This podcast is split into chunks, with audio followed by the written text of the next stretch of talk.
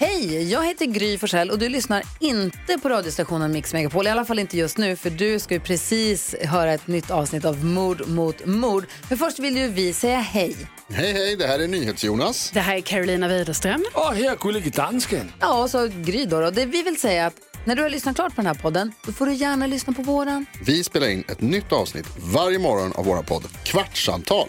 Och hela radioprogrammet blir ju också en podd om man är väldigt morgontrött eller så. Just det, om man missar morgonen ja. Men mest av allt så får du gärna lyssna på programmet i direktsändning varje morgon på Mix Megapol. Live varje morgon från klockan sex och då har vi med oss massor med vänner också. Thomas Bodström, Babben Larsson, Johan Pettersson, Christian Luuk. Massor med coola människor som bara dyker upp och gör livet bättre. Ja, som jag, Gullige Dansken. Exakt så. Och så mycket bra musik och annat skoj såklart. Så vi hörs när du vaknar på Mix Megapol. Podplay.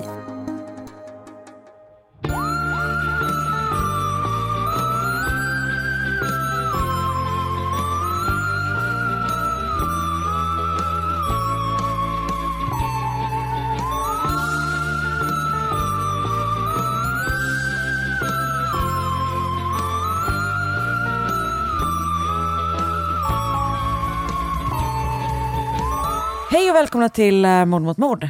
Hej! Återigen är vi samlade. Ändå liksom första avsnittet på höstsäsongen. Det känns otroligt. Nu är vi samlade igen mer i realtid runt den här lägerelden som vi kallar vår podcast. Mysigt. Mm. Ah, gud vad härligt.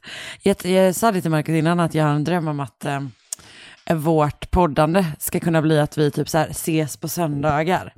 Eh, Mm. Och eh, Marcus och eh, Oskar har hand om bebisarna och sen äter vi söndagmiddag.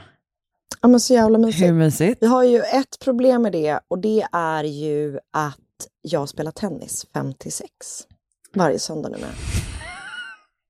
Alltså jag visste att den här tennisen skulle komma emellan oss. Jag är ledsen Karin, men det är faktiskt, eh, ska man bli proffs så måste man satsa. Ja, du ligger ju efter lite. Det får man ju Lite lov bara, att säga. bara lite. Du, bara lite. Bara lite, bara lite. Okej. Men, ehm, eh, men jag gillar ändå hur ni tänker. ja. du, det är bara att du inte tänker vara med, utan det kommer vi...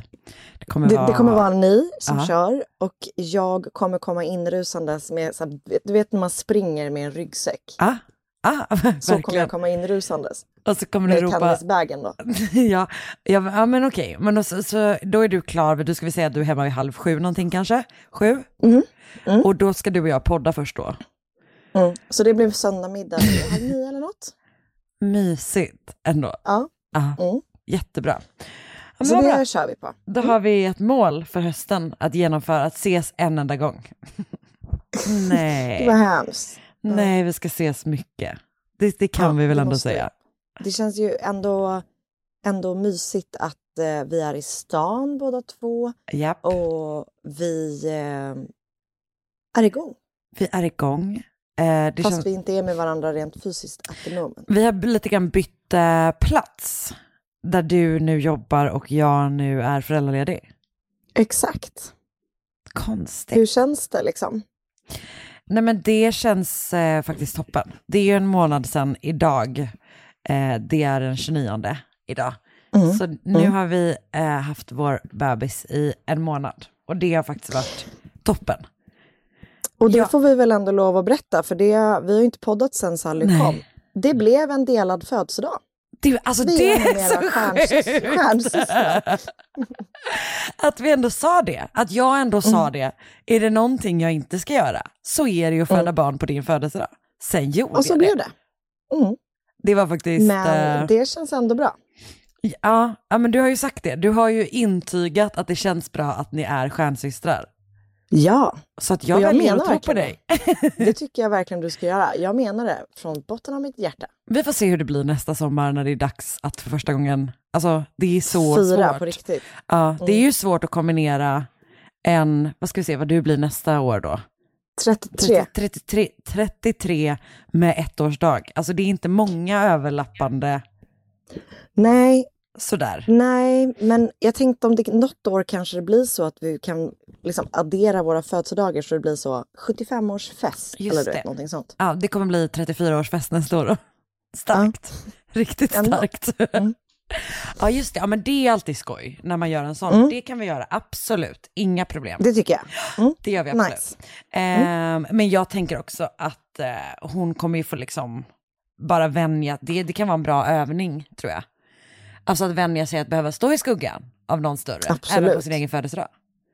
Jag menar det. Och eh, jag kommer också behöva träna på det. Men- Med Sally. Men, ja, Ja, Vi jag får ta då att, varannan födelsedag. just det, ja men det är väl bra, det är väl toppen. mm, Ehm, nej men så det har, varit, det, har varit, det har varit grymt. Det känns som att eh, jag hade en, liksom, en lätt graviditet, en fruktansvärd förlossning och en väldigt bra första månad. Mm. så att det, Så liksom det går går på jämnt ut. Det, åt, ja, eh, det återstår väl att se. Vi, vi får Mm. se hur nästa månad blir. Ja, det kommer bli gå toppen. Fram och tillbaka kanske. Eh, nej men så det har varit, eh, varit väldigt bra. Mysigt jag ju. eh, skulle säga typ att så här, man håller på att träna på olika saker Mm. i sin, eh, sin nya roll. Vilken var din svåraste, alltså vad var din liksom, svåraste mamma, mamma-grej att, eh, att, att vänja dig in med? Gud, vilken svår fråga. Jag tror att... Jag, jag, jag tror det var det här... äh, för eh, Sigrid... Jag tror det var det här med amningen alltså. Japp. Vad med det? Att det var a never ending story. Ah, För hon tog ju inte flaska, så det var ju liksom du fick aldrig någon hon och avbit. jag. Hon och jag genom matnedgången. Genom, exakt. Nej men Ja. jag tror det, var, det tyckte jag var riktigt jobbigt att känna sig liksom så himla behövd så ofta. Ah, och så låst. Ja, Jag förstår det. det tyckte jag var jobbigt. Japp. Jag har ju haft lite det här med att jag tycker, alltså det känns väldigt konstigt tycker jag att amma offentligt. Ja, jag håller med. Alltså att man är så här, ja, världen, nu är det jag som plockar fram mitt bröst. Men jag gjorde ju sådär som man absolut inte behöver göra, men som kändes bäst för mig. Att jag liksom höll på mycket, försökte liksom med Sjal och sådär. sjal och sådär Mm. i början i alla fall. Sen Ja. så kanske man liksom släppte det mer och mer. Men jag har också varit där och är väl också verkligen som, alltså för ens egen skull. Men jag har ju också då haft en, en, liksom en, en bebis som har hållit på och liksom headbangat mycket in Mm. i mig eh, och eh, liksom ryckt bort sjal och så väldigt mycket. Så att, eh, men Mm. jag, för vet du vad jag insåg nu är att jag inte har berättat för dig första gången som jag just skulle amma in public och Nej. hur traumatiskt det var. Okej, för att vad var, hände? då var det alltså så att jag och Markus var ute och gick på Söder med, med, med vagnen liksom. Och hon sover väldigt mycket, sådär som de gör i början. Men man börjar, man hör pipen börja komma och man är så här, Mm. fuck, okej, nu, är det, nu är det showtime. Första gången jag är så Mm. himla himla stressad. Eh, Och till slut, du vet, vi letar efter någonstans att sitta. Man vill ju gärna sitta kanske lite mer avskilt, åtminstone första gången man gör det. Nej, nej, det blir ka- kaos. Så vi får liksom sätta oss på ett eh, café, på en uteservering på ett café, eh, mitt på liksom Folkungagatan, som väl ändå typ är en av de mest trafikerade gatorna på hela Söder. Det får man väl lov att säga. Ja, där sitter jag och ska liksom börja med det här och är så här, men jag känner mig så himla himla medveten om mig själv och min kropp. Mm. Sådär. Eh, men jag är liksom bara så här, nu I'm a mom. nu får jag bara göra Nej men det jag här. fattar det. Mm. Sätter mig där, eh, plockar fram sjalen, hon börjar headbanga, det är liksom du vet det pågår och jag blir bara mer och mer stressad. Och så tänker jag säga bara, okej, bara ingen jag känner kommer. Det är liksom är det Vem enda kom? som inte får hända. Då hör man, nej men har ni fått barn? är det någon jag känner? Nej, det skulle jag inte säga att det är. Är det någon som Markus känner? Lite mer. Det är Adam Pålsson Mhm. eh, och Björn Gustafsson. Härligt. Och eh, sen blir det liksom en så här, alltså Adam Pålsson har ju barn. Han liksom, jag tror att han insåg vad som hände och var liksom så här, nu ska jag överkompensera det här. Så han liksom skojar loss och de hänger kvar och, och, och det liksom pågår samtidigt då som min bebis bara liksom headbangar loss stressigt. in i mitt bröst. Och det bara, det skojas och det tjoas och kimmas. Jan Gustafsson tror jag inte förstår vart bebisen är. För han börjar Nej. liksom kolla i vagnen. Och där är det ju ingen bebis. För Nej. att den håller på att liksom äta på mitt blottade bröst typ. Eh, Så det var min första. Härligt. amning. Eh, och sen har det gått ut för. Nej, ska jag bara. Sen har den gått lite bättre. Men alltså jag hade också på Söder just en amningsupplevelse där jag var också letade efter någonstans att sitta. Ja. Jag var i Hornstull. Det finns inte en enda bänk någonstans som är ledig. Så jag rusade in på H&M, rafsade tag i ett, en skjorta och in i, alltså som jag då skulle låtsas att jag skulle prova. I provrummet? Och in provhytten och så satte jag mig på golvet och ammade där. Sad på Det något var sätt. kände, och sen så kom jag ut, den passade inte. Och så bara hängde jag tillbaka. Du bara, bebisen passade inte. Nej, det, var, ja, det är fan stressigt, jag fattar det. Kul när man är tvungen att typ göra en kommentar. Alltså ingen hade brytt sig. Du behövde inte säga att den passade inte. Alltså gud, ja. Ah, Det är fan körigt. gud. Men det är ju mysigt också. Gud ja. Med barn alltså. Nej, alltså jag och Adam Pålsson är så goda, goda vänner nu. det är Härligt mysigt. Det är mysigt med Mm. nya vänner. Ehm, Okej, men eh, så det är typ mitt liv. Vad, berätta hur ditt är. Äh, men, ehm, jag har börjat jobba igen, vilket är jättekul. Jag tycker verkligen det är jätteroligt. Men det är det här så kallade livspusslet. Nej, men det är väl sjukt. Hur ska man få det ihop har allt? typ varit jobbigare än vad jag trodde faktiskt. Men det måste ju vara helt sjukt faktiskt. Men jag vet inte om jag var väldigt naiv som bara, gud vad är det som är så svårt? Men det är ju typ att man, det är hela tiden det där att man längtar hem Ja. och så är, har man, du vet, det känns stressigt på alla punkter. Man känner sig inte tillräcklig någonstans riktigt. Men hjärtat, det måste ju vara jättehemskt. Det låter jättestressigt. Det är lite stressigt. Jag tror, nu har jag bara jobbat i typ tre och en halv vecka, jag tror och hoppas att det kanske ger med sig lite. Det tror jag absolut att det kommer göra. Och jag tror att som så mycket annat här i livet så handlar det om att man måste bara typ så här acceptera att nej, jag kommer inte räcka till någonstans och sånt är livet. Mm. Och det bara Typ får vara så. så. att man är så här, Mm. ja, man gör ju det fast det känns ju inte som det. Nej, Ständig Så är det väl. Men Mm. vet du vad, jag är övertygad om att du är underbar på alla positioner. tack snälla du. Det Mm. värmde verkligen. Inte minst mittback, målvakt, allihopa. Sån är jag. En toppen person. Ja, Du med. tack snälla, tack snälla. Um, gud, det känns, eh, jag känner Du har mig inte poddat på mer än en månad. Jag känner mig liksom helt så här, rost, rostig. Så säger Rost. man inte kanske. vad sä- rosslig. Jag tror att det jag försöker säga på engelska, alltså rusty, det kan man säga. Man kan inte säga det på svenska. Man kan inte säga Att man är rosslig. jag känner mig i och för sig alltid Äh. rosslig, det, men det är ju bara min röst.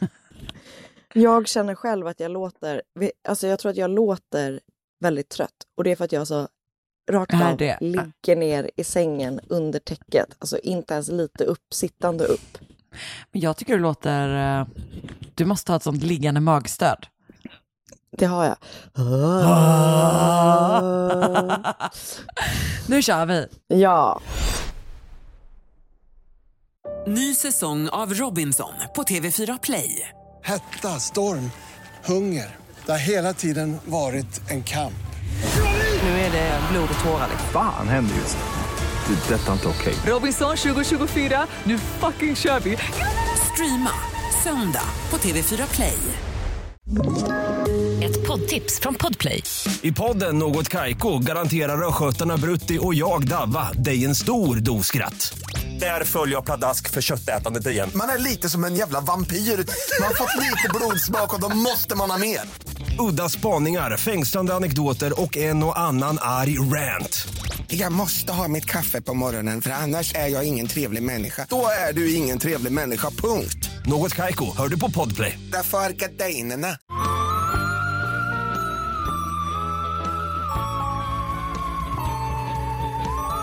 Då kör vi igång.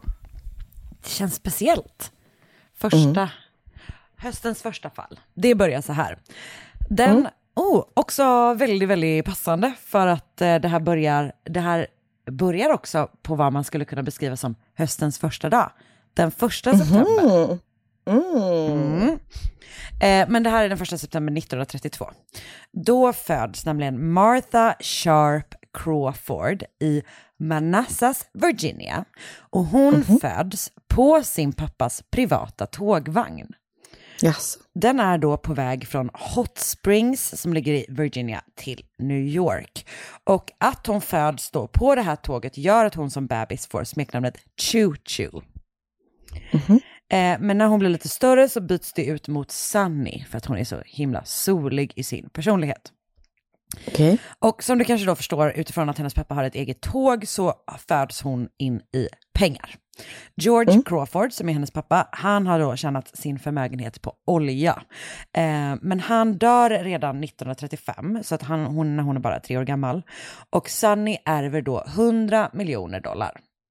Oj. Och som jag förstår det så är det alltså dåtidens 100 miljoner dollar. Så du förstår hur jävla mycket pengar det är. Jösses. Mm. Ehm, och hennes mamma heter Annie Laurie och hon är dotter till en man som driver typ något superstort skoföretag. Så hon kommer också från pengar. Båda två, a lot of money.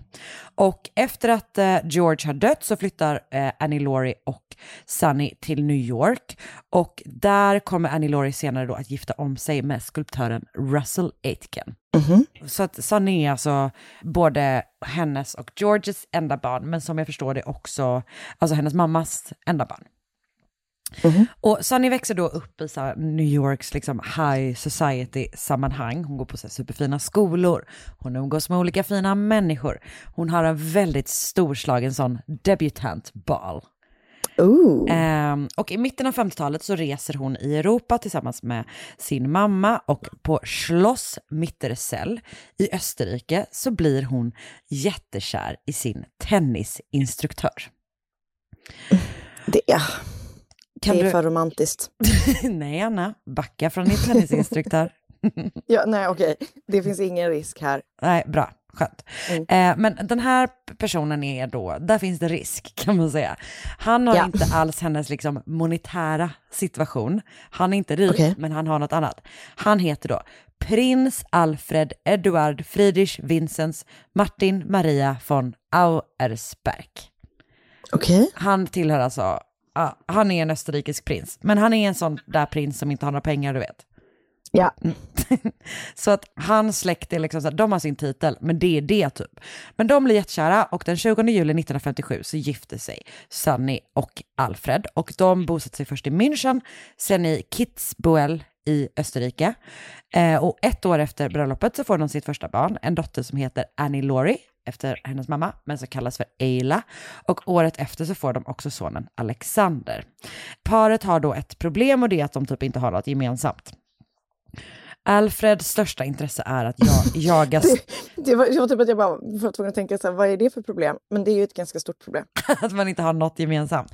Ja, också för att eh, de två intressen som Alfred, alltså som har lyfts fram som Alfred har, är ett, att jaga stora djur i Afrika och två, Ja. flörta med kvinnor som inte är hans fru. Perfekt. Så att, och hon är typ inte ombord med något av de intressena kan man säga. eh, och, och dessutom så längtar hon väldigt mycket hem till USA. Så 1965 så skiljer de sig och eh, hon tar med sig barnen och flyttar hem till USA. Alfred får behålla en miljon dollar och två hus. Så att det går ändå bra för honom. Ehm, men hon får också i flytten då med sig sin närmsta hushållerska. Och typ, hon, som är typ som en personlig assistent. Hon heter Maria Schrallhammer och är då en tysk kvinna som är uppvuxen i ett kloster. Hon verkar vara väldigt ehm, trofast, kan man säga. Och hon har då jobbat för Sunny sedan 1958 och de har utvecklat liksom en väldigt, väldigt nära relation. Maria är väldigt lojal och eh, hjälper liksom henne med det mesta i livet typ. Bara 13 månader efter skilsmässan från Alfred så gifter Sunny om sig. Och då gifter hon sig med en dansk man som heter Klaus von Bülow. Och han föddes 11 augusti 1926 och döptes då till Klaus Borberg. Hans mamma heter Jonna och hon är dotter till en dansk justitieminister som heter Fritz Bülow. Och sen är hans pappa manusförfattaren Sven Borberg. Eh, men efter andra världskriget så anklagas Sven för att ha samarbetat med nazisterna och ställs inför rätta. Aj då. Ja, det är tråkigt. Eh, hatar när det händer att man samarbetar med nazister. Han frias, Verkligen. obs. Men det verkar som att typ när han liksom åtalas för det så, så drar eh, Klaus och hans mamma till London.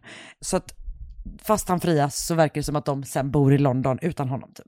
Och Klaus börjar då plugga på Cambridge och eh, när han ska dra igång sin karriär så väljer han att använda sin morfar justitieministerns efternamn istället för sin pappas, alltså nazi, nazi nazikompisens namn. Eh, och han lägger då också till ett von. Eller von kanske. Mm. Eh, så han heter då Klaus von Bülow. Eller han tar det namnet helt enkelt. Mm. Och Klaus läser juridik på Cambridge. När han är klar så börjar han jobba i London och där träffar han två personer som kommer bli avgörande i hans liv.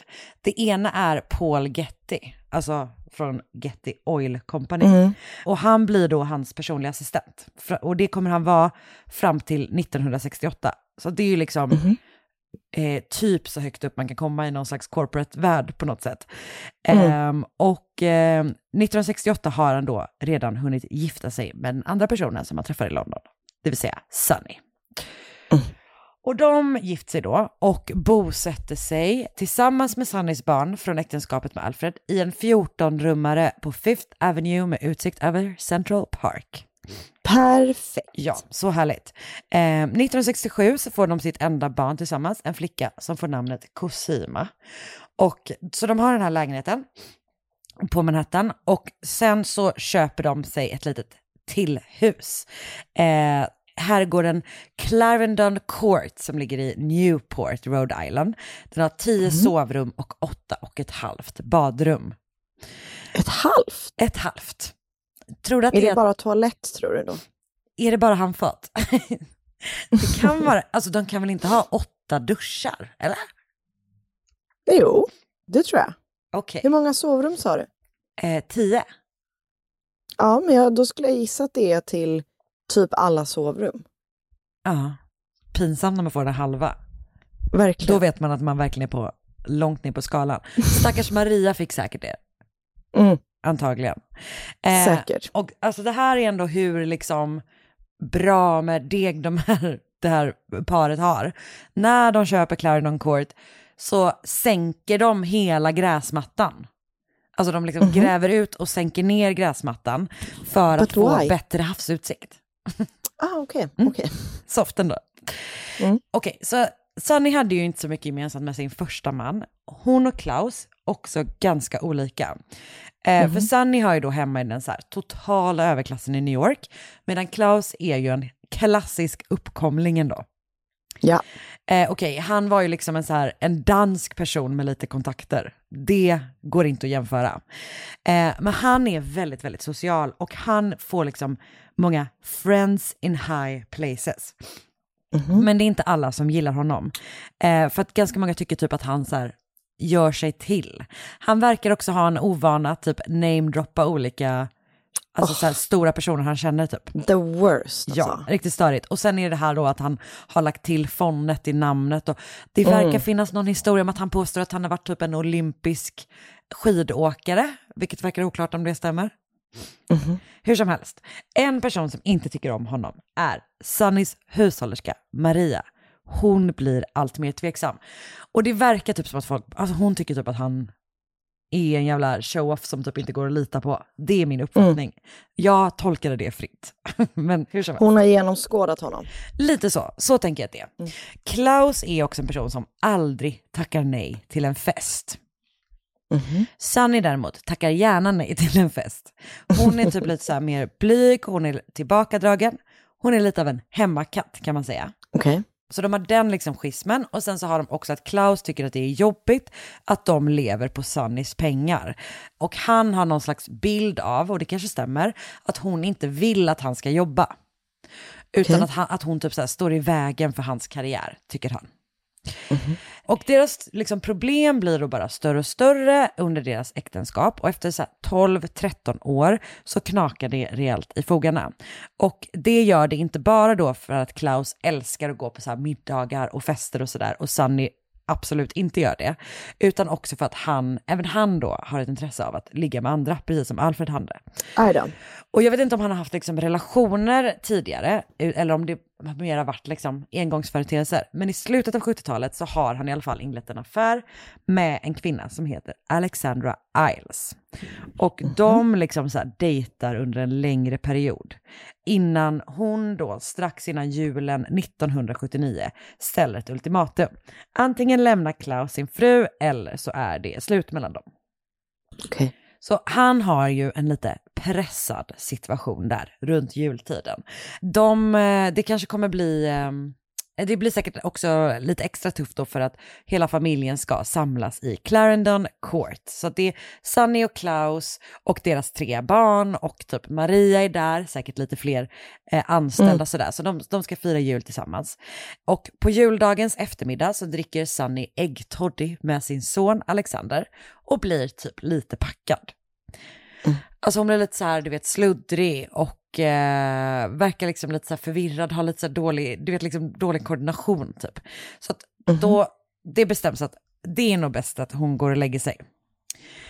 Dagen efter ska Maria gå in och väcka henne, vilket hon alltid gör. Men Klaus typ stoppar henne i dörren och säger så här, vet du vad, hon, du vet, hon var ju lite packad igår, så hon behöver liksom vila, hon ska inte störas. Mm. Mm. Och Maria är så här, nog till en början kanske att hon accepterar det, men efter ett tag så anar hon oråd och tar sig liksom ändå in. Och där mm. hittar hon Sunny som liksom ligger i sängen, men hon försöker väcka henne och får liksom ingen reaktion alls. Det går liksom inte att få liv i henne. Och så bakis borde hon inte vara. Nej. Av lite äggtoddy. Nej, eller hur? Ett par glas bara tillsammans med sin son. Eh, mm. Det har också gått så här, det är liksom eftermiddag, det är lång tid. Du fattar, det är konstigt. Mm. Maria ber då Klaus att ringa läkaren. Men Klaus är så här, det behövs inte. Sunny har bara druckit lite mycket igår, igår och typ så här, hon behöver sova. Men timmarna bara går. Sunny vaknar inte. Maria försöker om och om igen få Klaus att ringa läkaren, men han skiter i henne liksom. Så det är inte förrän Alexander, alltså sonen, kommer hem, som är alltså vid typ sex på kvällen, som eh, de liksom väl till slut tar kontakt med en läkare. Okay. Och då har hon liksom varit typ okontaktbar hela dagen. Och när läkaren väl kommer dit så har Sunny slutat andas. Nej. Och det krävs liksom hjärt och lungräddning för att, så här, att hon ska leva upp igen. Sätta igång henne mm. igen har jag skrivit. Vad heter det? För att hennes... Um, återuppliva. Ja, bra, tack. Inte för att man ska sätta igång henne igen. Och Sunny hamnar då på sjukhus, och, men hon kommer liksom överleva. Men när man undersöker hennes upptäcker man att hon har superlågt blodsocker. Och alltså hon har då hypoglykemi, tror jag det heter. Mm. Vilket man ju är, kan vara liksom vanligt bland diabetiker. Men okay. Sunny är inte diabetiker. Mm. Maria är då liksom frustrerad, hon är misstänksam efter Klaus beteende i samband med den här medvetslösheten. Eh, och hon tar då upp sin oro med Sunnys mamma. Och Sunnys mamma skäller typ ut Klaus för att han liksom inte reagerade snabbare. Eh, mm. Men när Sunny väl återhämtar sig så vill hon liksom inte höra någonting om Marias här, oro eller hennes mammas funderingar, utan hon meddelar då att hon och Klaus kommer fortsätta vara tillsammans. Och istället så är det typ hennes och Marias relation som försämras för att Klaus då berättar att så här, hon har pratat med din mamma. Oh. Ja. Men Maria är liksom fortsatt på sin vakt, så hon börjar så göra sina egna efterforskningar bland Klaus grejer när hon typ får möjlighet. Och en mm -hmm. dag våren 1980 så hittar hon typ ett etui i hans garderob som innehåller tre behållare. Och de här behållarna, i de här behållarna så finns det, i en finns det piller, i en finns det ett, ett pulver och en typ en så här pasta. Mm. Och eh, hon bestämmer sig då för att typ använda sig av av Sunnys första barn, alltså Ayla och Alexander. För att de verkar ändå kanske också lite mer öppna då eh, mm. för att det kan vara något fuffens på gång. Så hon berättar vad hon har hittat och sen så löser de så att man liksom, de gör små prover på innehållet i de här behållarna. Och det visar sig vara valium i någon och eh, barbiturater i någon. Men det enda det är så ja det är jättekonstigt att han har det, men det liksom går inte att koppla till någonting som har hänt Sunny. Också för att eh, hon ju inte, man hittade liksom ingenting sådant i typ hennes kropp Nej. efter det här. Men det är så här, det är weird hur som helst. Och i april 1980 så hamnar hon igen eh, på sjukhus, eh, Sunny då, efter att återigen ha verkat så här förvirrad och snurrig och sluddrig. Och det är liksom samma sak igen, hypoglykemi. Men Mhm. resultatet blir, alltså av det, blir att läkarna är så här, fan du måste hålla koll på ditt blodsocker. Så hon får typ inte så här äta något, eh, några sötsaker och hon måste undvika alkohol och sådär. Så att Mhm. det är konstigt att hon har det här, men det är typ inte så konstigt. Eller snarare, det, man, de misstänker inte att det är något fuffens på gång. De är bara så Nej, här. Mm. du måste förändra ditt leverne typ. Under hösten 1980 så blir relationen mellan Sunny och Klaus bara sämre och sämre. Han vill festa med sina kompisar, hon vill vara hemma, han vill ha affärer, allt det här fortsätter. Han fortsätter typ Mm. träffa den här Alexandra. Och de har liksom fortsatt ligga med varandra och fortsatt ha, alltså, ha den här affären. Ehm, Mhm. Till slut har hon typ tröttnat på honom. Framåt Thanksgiving 1980 så gör hon slut med honom igen. Eftersom så här, han verkar liksom aldrig lämna sin fru typ. Nej. En dag så får Maria syn på det här etuiet igen och den här gången finns det något nytt i det. Det är en behållare som visar sig innehålla insulin. Trots då att varken Klaus, Sunny eller någon annan i huset har diabetes. Okej. Insulin kan då försätta någon i hypoglykemisk koma. Så att det hänger liksom ihop med det här låga blodsockret. Om man överdoserar insulin så kan man ju Mm. hamna i koma på grund av det här tillståndet liksom. Mm. Och Maria vet väl inte riktigt vad hon ska göra utan hon försöker väl bara skydda Sunny så gott det går. Men när familjen gör sig redo att lämna Manhattan för Clarendon Court julen 1980, så det har alltså gått ett helt år efter den första liksom, incidenten, då ehm, får ehm, Maria reda på att hon eh, ska få ett par dagar ledigt över jul. Mhm. Hon ska alltså inte följa med. Vem är det som har bestämt det då? Ja, det är på Klaus inrådan. Mm. Man, det kunde man ju ändå Det kunde man räknat sig. ut, verkligen.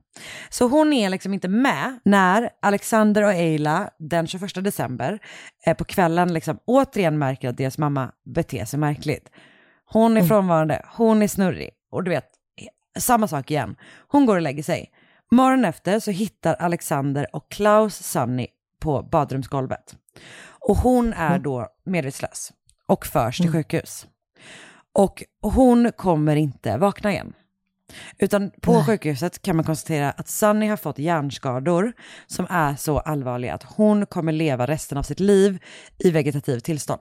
Men fy! Hon har alltså hamnat i permanent koma och kommer liksom snart flytta in på ett rum på ett sjukhem på Upper East Side där hon liksom så matas genom en slang och aldrig kommer visa några tecken på medvetande eller typ någon hjärnaktivitet överhuvudtaget. Men fy vad hemskt. Och snart börjar då Sunnys första barn, Alexander och Ayla, misstänka att Klaus kan ha haft någonting med det här att göra. Och de tänker då att så här, okej, men vad har han haft för anledning att typ undanröja henne? Jo, ehm, att ärva henne, såklart. Alltså skillnaden i att hon dör och han får ärva henne kontra att de skiljer sig rent liksom monetärt är ju jättestor. Ehm, och dessutom så vill han ju uppenbarligen leva med sin älskarinna, misstänker man. Klaus förnekar då allt, men eh, polisen genomför en husrannsakan i Clarendon Court och när de gör det så hittar de en spruta med spår av insulin i Klaus garderob.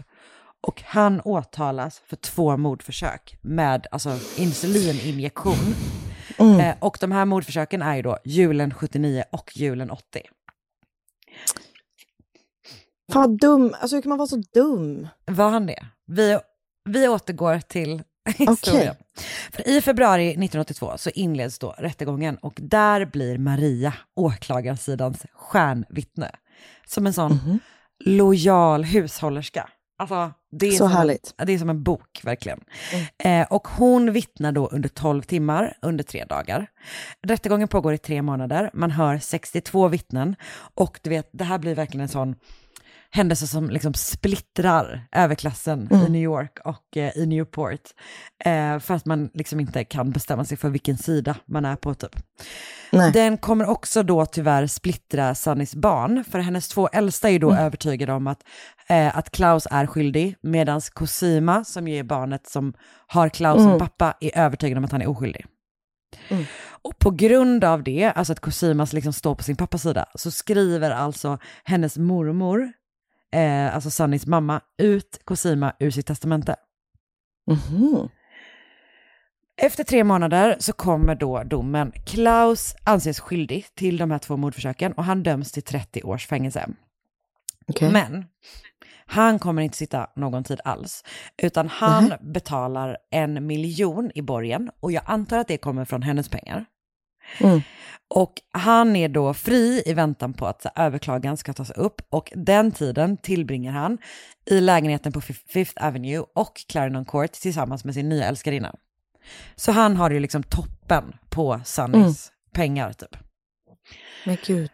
Och under andra rättegången så har han då också lagt hur mycket pengar som helst. Delvis tror jag från typ så kontakter, alltså att folk typ sponsrar honom. Men delvis också från hennes pengar.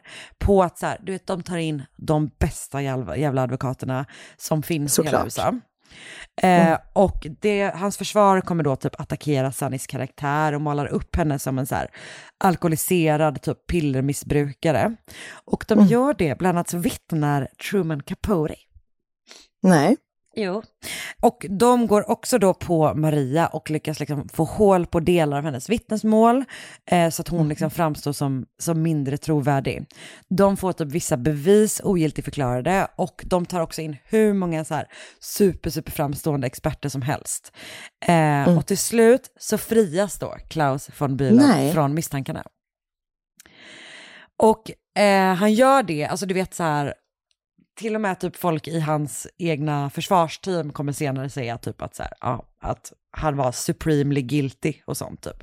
Men eh, han gör liksom ett sånt, alltså de lyckas ju rent rättsligt fria honom. Och typ att det här kommer ju liksom omdebatteras typ hela hans liv. Alltså, det kommer liksom splittra folk hur länge som helst. Att så här, är han skyldig eller är han oskyldig?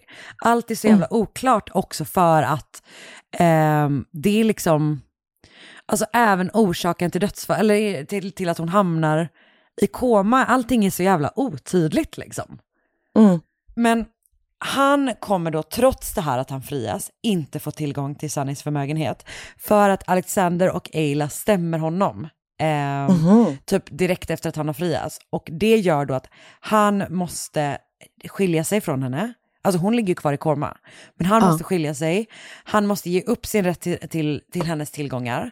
Han får inte tjäna några pengar på den här historien.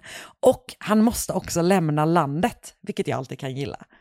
Det känns så liksom Ja, medeltida typ. Exakt, de bara, du måste härifrån. Men i gengäld för att han typ tar den här dealen så ska Cosima då eh, återigen få ärva sin mormor. Så hon skrivs tillbaka in i testamentet typ.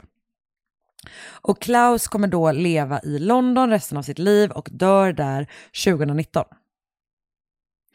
Eh, Okej. Han är typ 92 år gammal någonting. Ja. Maria Schrallhammer går i pension efter rättegångarna och flyttar hem till Tyskland.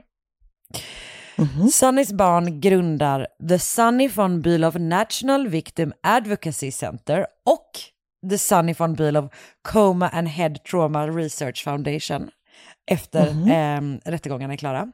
Och Sunny von Bülow ligger i koma på sitt rum på Upper East Side i nästan 28 år. Shit. Hon dör alltså i, i december 2008 av en hjärtattack och blir 76 år gammal. 28 Shit. år! Det är så sjukt. Hon det bara är är där. så länge. Och jag har då sett ett avsnitt av serien Mansions and Murders med titeln Iron Maid. Otroligt. Eh, jag har läst Dominic Dunns longread i Van- Vanity Fair med rubriken Fatal Charm, The Social Web of Klaus von Bülow. New York Times eh, dödsruna för Sunny skriven av Enid Nemi och Town and Countrys dödsruna för Klaus von Bülow skriven av Ben Widdicombe samt ett helt gäng olika Wikipedia-artiklar. Okej. Så det där var då uh, Sunny von Bülow. Och Klaus Shit. von Bülow. Och ett Vilken sånt, story. alltså det är riktigt sånt eh, society drama beskrivs det som alltid. Alltså väldigt härligt ju. Ja, Man gillar ju mansions. Man gör ju det och man gillar ju en eh, gigantisk lägenhet på Upper East Side med utsikt över, över parken. Alltså, underbart. Underbart. Det känns som en Gossip Girl-referens. Alltså verkligen. Så är det. Det känns som att Serenas mormor har varit kompis med Sunny von Bülow. Eh, Faktiskt. Så Ja. starkt ju. Eller hur? Jag tänkte att du ändå skulle gilla det. Absolut. Bra. Okej, bra. Som alltid. Tack för att du ville lista. Tack Karin för att du ville berätta. Varsågod. Ny säsong av Robinson på TV4 Play. Hetta, storm, hunger. Det har hela tiden varit en kamp. Nu är det blod och tårar. Fan händer just nu. Det. är Detta är inte okej. Robinson 2024, nu fucking kör vi! Streama söndag på TV4 Play. Ett poddtips från Podplay. I podden Något Kaiko garanterar östgötarna Brutti och jag, Davva, dig en stor dos skratt. Där följer jag pladask för köttätandet igen. Man är lite som en jävla vampyr. Man har fått lite blodsmak och då måste man ha mer. Udda spaningar, fängslande anekdoter och en och annan arg rant. Jag måste ha mitt kaffe på morgonen för annars är jag ingen trevlig människa. Då är du ingen trevlig människa, punkt. Något Kaiko, hör du på Podplay. Därför är gardinerna.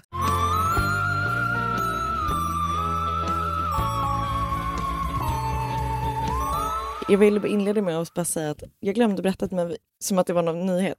Jag åt räkor till middag och det var så himla gott. Jag vet inte, jag ville bara säga det. Okej, Gud, du har verkligen sparat på guldet till den här podden. alltså verkligen. Jag vet inte vad det var som bara kom sköljande över mig. Att jag bara, jag berättade inte det. Det var att det var räkor. någon stor nyhet. Vi äter det ganska ofta. Okej, ehm, den 23 juni 1965. Men gud, det är ju Sigrids födelsedag. Ehm, 1965. Hurra! Hurra! Så fick polisen i Houston ett samtal från en man vid namn Marvin Martin. Han berättade att han inte hade fått tag i sin moster och morbror på några dagar och att han hade varit förbi deras hus och att det hade varit både låst och nedsläckt med neddragna gardiner och så vidare. Så han har då liksom inte fått någon kontakt med dem och då oroat sig för sina äldre släktingar. Men han vill då att polisen ska utföra en så kallad welfare check hemma hos dem. Så senare samma kväll, alltså den 23 juni 1965, så åker Marvin tillsammans med två poliser vid namn Captain Charles Bullock och L.M. Barta till hans moster och morbrors hus på 1815 Driscoll Street. Mhm. De knackar på, men ingen svarar. Och när polisen liksom tar en vända runt huset så ser de att köksdörren eller bakdörren, liksom någon dörr som inte var huvudentrén, är blockerad av typ så tunga blomkrukor som har ställts mot dörren. Typ. Så att antingen är det liksom, ja, om de vill förhindra att någon ska ta sig in den vägen eller ut den vägen. Eller vet du, De tycker att det ser konstigt ut. Så att de bestämmer sig för att typ sparka in dörren för att säkerställa att det liksom inte har hänt någonting med det här paret. När de kommer in i huset så är huset tomt. Varken Fred som är 81 år gammal eller Edwina som då var 72 år gammal är hemma. Inte heller Fred och Edwinas son Charles som var 43 år gammal och då, då vanligtvis bodde med sina föräldrar i det här huset syns till. Huset är liksom väldigt stökigt men enligt Marvin då, den här äh, Edwinas syskonbarn, Ja. säger då typ att eh, så här, men det är inte så jättekonstigt att det är stökigt för typ de är stökiga personer. Typ. Alltså det är, så här, det är Kul. alltid rörigt här typ. Om någon går in hemma hos mig och Marcus. Det är inte konstigt. De är röriga personer. Ja, ja jag, jag, okej. Men det som de däremot tycker är ovanligt och konstigt är då att det står massor med matrester framme eh, på typ om det är på bänken eller på typ köksbordet eller liksom någonting sådär. Så att maten som står framme har liksom börjat förgås. Alltså du vet, det ser ut som om den stått framme ganska länge. Mm. Ehm, och så luktar det illa i huset. Det vill jag vara tydlig med att det det- inte gör hos oss. Nej, det gör det verkligen inte. Tack. Ehm, och det finns då lite olika versioner i olika källor om vad som hände sen. Men enligt en av de här poliserna då som var först på plats så säger han då att han inte riktigt visste vad som föll honom in, men att han bara fick en impuls att öppna kylskåpet. Medan då andra källor säger att de kunde härleda lukten till kylskåpet. I alla fall. En av poliserna öppnar kylskåpet. Och när han öppnar, och det är typ lite, lite på glänt, så att det är liksom inte helt stängt. När de då öppnar kylskåpet så ligger det en massa kött där i. Och polisen reagerar då på att köttet ligger liksom oinslaget och att eh, kylskåpsdörren har då stått lite öppen. Så han tänker typ så här, vad tråkigt att det här, de här styckdetaljerna typ förgås på det här sättet. Men så kollar han liksom i kylskåpet lite mer och så öppnar han den nedersta lådan, du vet som typ vanligtvis är en sån grönsakslåda. Ja. Och i den så gör han då en hemsk upptäckt. För i lådan ligger två huvuden. De här huvudena tillhör då, eller är då, Edwina och Freds. Åh jävlar. Så den här då, liksom, till att börja med helt vanliga welfare-checken blir då istället ett grovt dubbelmord som de liksom bara, du vet, stöter på. Ah.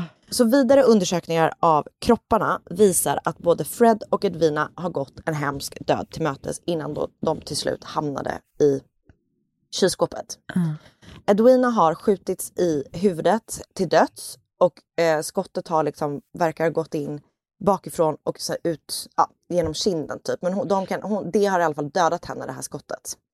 Kan man då se och innan då mördaren har ja, styckat hennes kropp.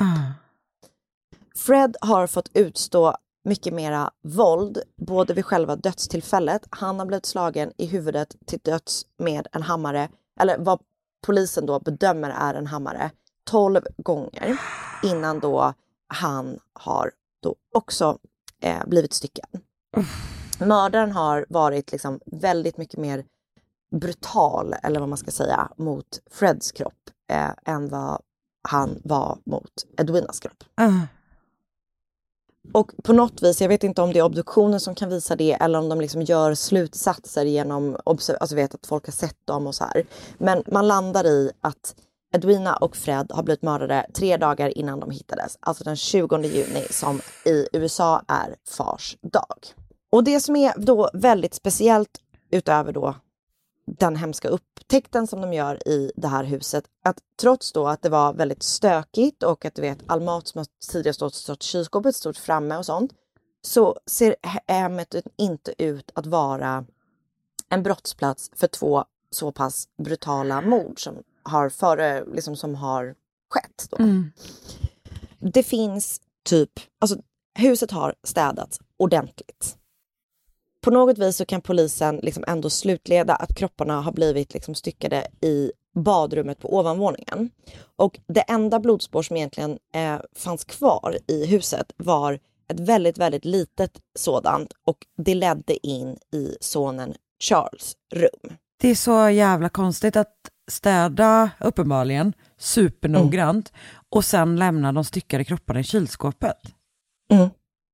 Det är skitkonstigt. Mm. Fy fan vad obehagligt. Ja. I hans rum så hittas också eh, liksom diverse re, alltså liksom, te, saker som de då misstänker har använts i mordet och liksom, i det som har skett därefter. Polisen eller då obducenten kan också säga att det verkar som att personen som har liksom utfört det här äh, verkar ha bra kunskap om den mänskliga anatomin. Du Mm. vet, det är väldigt liksom snyggt inom, alltså, ja. Och som jag då nämnde tidigare så var då även Charles Rogers, alltså deras son, nowhere to be found i hemmet. Charles då, som för tillfället för morden var 43 år gammal, var en väldigt begåvad person. Han hade en examen i science med inriktning på nuclear physics och han hade under andra världskriget blivit pilot i den amerikanska armén. Och utöver det så var han även en del av The Office of Naval Intelligence som då Mm. är då en intelligence agency för flottan som man då hör av namnet. Men liksom han verkar vara, ja, han, ja så. Eh, och eh, eh, efter kriget så arbetade han för Shell Oil i nio år som seismolog innan han en dag helt oväntat 1957 sa upp sig från sitt jobb. Och då återvänder han eh, hem för att bo med sina föräldrar. Hmm. Och ingen vet varför och eh, liksom, jag, han har Oj. typ inget jobb eh, sen då efter det här, vad man vet. Vänta, och det var, sa du, 57? Ja, sa han upp Och det här sig. var 65? 65. Så Hmm. åtta år är liksom lite av en em, skugga över Ah. vad han har gjort. Eh, och han var då som sagt väldigt smart. Han talade sju ol- olika språk och var så här, väldigt intresserad av så här, amatörsradio. Du vet. Mm. Ja. ehm, Det som så. vi håller på med. Exakt Karin. Nej. Ehm, ja. Så han sitter väl, du vet, så här, som jag tänker att man gjorde förr i tiden, typ att man så här, kopplade upp sig till olika länder och typ sände och jag vet inte Ah. exakt vad det var. Ja. Efter kriget så blev han också medlem, eller vad man kallar det för, i Civil Air Patrol, som då är då en volontärsorganisation som agerar stöd åt militären när det behövs. I Civil Air Patrol sägs det att han blev vän med David Ferry som sägs ha varit delaktig i mordet på John F Kennedy. Hmm. Något som David Ferry då under hela sin livstid förnekade eh, låg någon eh, sanning bakom. Just det. Eh, Charles beskrevs av folk i sin närhet som så väldigt tillbakadragen. Familjens grannar berättade att de typ aldrig såg honom, eh, så vid tillfället för morden var de osäkra på om han ens bodde där. Han gick hemifrån liksom, i gryningen, så ingen vet, han gick någonstans, ingen vet var, för ingen vet vad han hade för jobb eller om han hade ett jobb. Mm. Och sen kom han hem sent, sent på kvällen. Och däremellan är det ingen som vet vad han gjorde om dagarna. Vad fan? Eh, skitkonstigt. Och han hade en väldigt dålig relation med sina föräldrar som han då bodde med. Det sägs att de typ knappt pratade med varandra utan att de kommunicerade med varandra genom att skicka lappar under sovrumsdörrarna. Gud, alltså, jag känner mig så stressad av den här sociala Ja, men det är så himla konstigt. Men Ja. jag fattar nu varför han är borta hela dagarna. Ja, så bara, åh, jag Han vill bara inte hänga jag med sina päron. Nej, men flytta ut då. Bo inte kvar. Verkligen, bo inte kvar. Så Ehm, konstigt. Mm. Ja, men han blir då av förklarliga skäl eftersom han vanligtvis bodde där och eftersom deras relation var så dålig och att ingen har sett eller hört från honom och ingen kan få tag i honom efter att föräldrarna hittat mördade så blir han då en ganska naturlig liksom, Misstänkt. misstänkt. Så att polisen går ut med en landstäckande efterlysning. Och det figurerade många olika rykten om Charles. Ett seglivat rykte var att han egentligen var CIA-agent och att han var en av de personerna som var med och planerade mordet på John F Kennedy. Hmm. Känns lite Eh, som en jag an- konspiration här. Lite. Jag antar att det liksom hänger ihop med att han kände då, kanske kände, jag vet inte ens om det är bekräftat, den här David Ferry. Eh, och det sägs då att han var en av, och jag visste inte det här, men det finns, nå det finns ett känt uttryck, det har liksom en egen Wikipedia-sida, som är The Three Tramps, som är alltså en bild på tre män som eskorteras av polisen precis liksom, nedanför det här huset, Ah. alltså efter mordet på John F Kennedy. Just det. Mm. Jävlar folk har hållit på med det där alltså. Ja, och jag vet liksom inte, jag tittar på den här bilden och så försökte jag titta på en bild på, alltså jag vet inte. Men jag tror, vet man inte vilka det är som är på den här bilden? Det här är i alla fall då ett rykte som figurerar. Enligt det här ryktet så flydde Charles efter att han då eh, typ hade blivit liksom gripen då uppenbarligen, för det blev han ju på den där bilden. Så har han då flytt till Guatemala och sen efter det har han aldrig setts. Ett annat rykte som figurerade handlade också om att han var liksom inblandad på något vis, antagligen med samma liksom, bakgrund, i John F Kennedys död. Men i det här ryktet då så är det, jag- jag vet inte om han fortfarande är CIA-agent eller om han bara är liksom, en ensam person. Ja. Men, men då menar, enligt det här andra liksom, delryktet i, ja, så, eh, så har han då skrivit om mordet på John F Kennedy i sin dagbok. Och så är då, har Edwina eller Fred hittat den här dagboken, konfronterat honom med det som han har skrivit i den och typ varit så här, vi kommer anmäla dig till polisen. Och att han då har fått panik och sedan mördat sina föräldrar. Och flytt sen landet och aldrig återsetts. Så dumt när man liksom mördar en president, att man sen ändå måste skvallra om det i sin dagbok. Alltså verkligen. Dear diary. Och när man bor hemma hos sina nosy parents som är 80 plus typ. Verkligen. Mm. Ja, mm. En annan teori som figurerade efter morden var att hela familjen hade blivit mördad av någon anledning som är oklar. Men i och med att mordet var av den, liksom typ, av den karaktär som det var så finns det liksom maffiateorier kopplat till det här. Och det faktum då att morden på Fred och Edwina, liksom att tillvägagångssättet för själva morden var olika så tyckte man då att det kunde peka på att det fanns två olika mördare.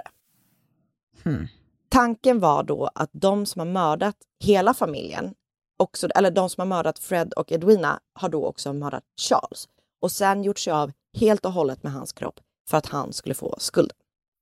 Mm. Okej.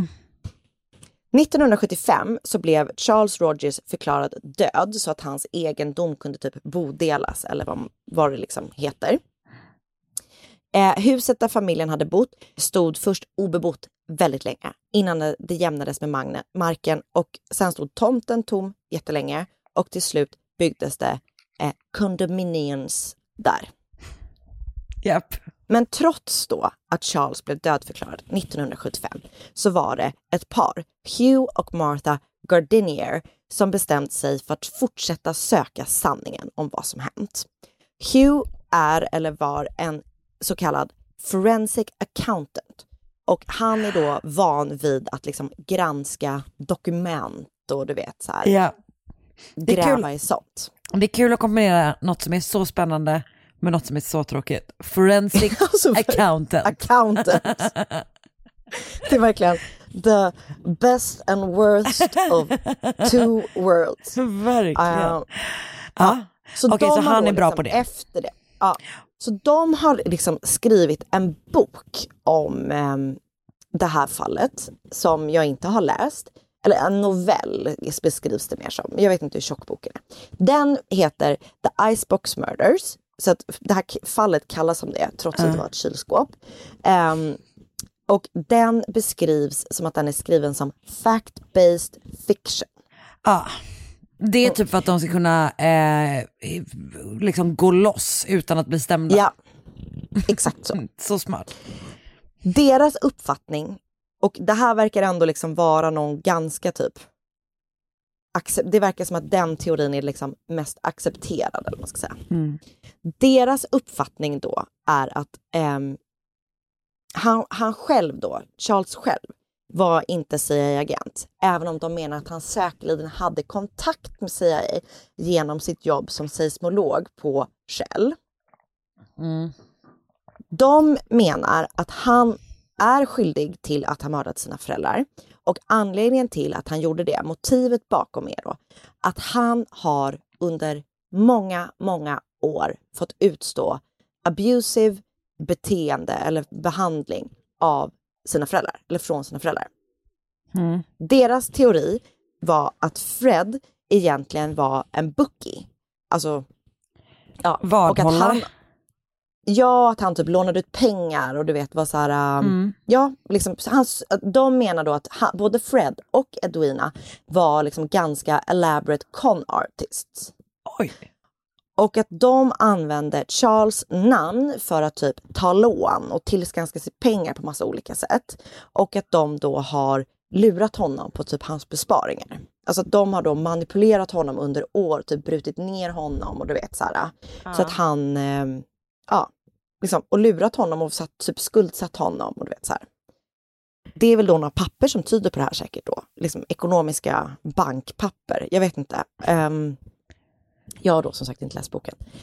Um, han ska då enligt dem ha planerat mordet på sina föräldrar, sen mördat dem innan han sen lämnar USA, drog till Mexiko, där han lyckas hålla sig gömd med hjälp av sina många inflytelserika och mäktiga personer som han har träffat genom sitt amatörsradio-hobby. Eh, Just det, för det är så många mäktiga personer som gillar det. I don't know. Okay, eh, Han ska sedan, enligt deras, tagit, deras teori, tagit sig vidare från Mexiko till Honduras, där han med hjälp av sin bakgrund som seismolog på Shell Oil tagit jobb som gruvarbetare, någon slags miner, jag vet inte exakt vad, Nej. vad de menar att han gjorde, där han till slut själv blev mördad med en yxa efter att ha kommit i en konflikt med några andra Nej. gruvarbetare. Jag vet inte vad de baserar det här på. Det här är deras teori. Man undrar om det här är the fiction eller the fact. ja, ja, verkligen. Men det är så här att än idag så har man ingen aning om vad som egentligen hände med Fred och Edwina eller med Charles. Så The Icebox, Mur Icebox Murders förblir olöst än idag. Men vad i helvete? alltså ja. Va? Men vart tog han vägen? Nej, alltså who knows? Vi måste hitta honom. Ja. Det är, det är helt sjukt. Ändå lite intressant. Jätteintressant. Mm. Jag hade liksom inte hört om det här. Inte jag heller. Och också vilka dåliga teorier som det var. jag vet. Men jag vet. Och just så här. Och, Vad och, fan? ja. ah, jag vet inte. Det är så sjukt. Det är så sjukt. Mm. Jag vill så gärna veta vad som hände. Jag med. Mark. Jag har läst en artikel på All That's Interesting som heter The Case of the Grizzly Icebox Murder that Horrified Houston i, in 1965. Skriven av Marco Marga, Margaritoff. Eh, olika Wikipedia-sidor, bland annat om Three Tramps och eh, om Charles och sådär. Jag har lyssnat på en podd som heter 10 Minute Murder och avsnittet heter Icebox Murder och en artikel på grunge.com som heter Everything We Know About the Unsolved Icebox Murders. Alltså, vad fan. Mm. Det var så intressant. Mm, det var lite spännande. Det var, Frustrerande. jag vet. Och det var, det var ändå intressant att jag började liksom skriva på ett annat Ah. olöst fall. Och sen så bytte jag olöst fall och jag hatar ju det. Så att jag vet gör inte du ju riktigt vad inte. jag... Nej, jag gör ju uppenbarligen inte det. Nej. Jag får väl bara släppa den gamla... Du vet Den vad? gamla Nej, nu ska jag berätta för dig. Du hatar när jag gör olösta fall. Exakt. Men du gillar när du Där själv gör det. du den. Ja. Och du, jag, alltså, jag gillar just när det finns massa olika så här, teorier och sånt. Ja, för man vill ju, precis. Och det här kändes ju, just också eftersom det var så dåliga teorier, så kändes det ändå lite... Och att själva inte. fallet var så intressant med. Vad fan. Mm. Han bara Men för det är försvann. precis som du sa, att det är så himla konstigt att städa, alltså att göra Ja. det där och sen städa jättemycket och sen ändå lämna kvar. Ja, det, för ofta tänker jag att folk styckar ju för att bli av, alltså för att det ska vara lättare att bli av med kroppar. Mm. Men den här, det här bara lämnar, och hur, Och att de så här, tömde kylskåpet för att lägga in det där Ja! och sen lät allt annat stå ute. vad fan? Alltså hur konstigt är det inte? Det är så jävla konstigt. Ja. Ja, men, men vet du vad, du och jag, vi kommer skriva en fact-based novel. Nej, En fact-based. fiction-based novel. Där vi bara hittar på helt fritt. Helt egna. Ja, så Gud, bra. Gud, var skulle man ens börja? Nej, men, inte. Låt men- oss prata vidare om det här. The three tramps, där börjar vi. What happened to the other two? Alltså, ja. Men eh, jag, jag hamnade också på någon sån Wikipedia-sida om mordet på John F Kennedy Ah. och då kände jag bara, Åh nej, too åh deep nej, man, too verkligen. deep. Verkligen. Åh gud, tack snälla du. Jag har heller aldrig hört Ja, talas om det här. Det var enormt intressant. Nej. Ja, vad kul. Eh, men nu är vi igång. Nu är vi igång. Det känns nu jävlar, jättekul. nu kör vi. Ja, ja, nice. Och tack för att ni eh, lyssnar på oss. eh, Ja, tack snälla. Och gå med snälla i vår Facebookgrupp. Det är superhärligt där inne. Och Ja. eh, vad har vi något mer? Lyssna på oss nästa vecka igen. Ja, vi hörs nästa vecka. Ja. Hej då! Bra. Hej då! Ny säsong av Robinson på TV4 Play. Hetta, storm, hunger. Det har hela tiden varit en kamp. Nu är det blod och tårar. Fan händer just nu. Det. är Detta är inte okej. Robinson 2024, nu fucking kör vi! Streama söndag på TV4 Play.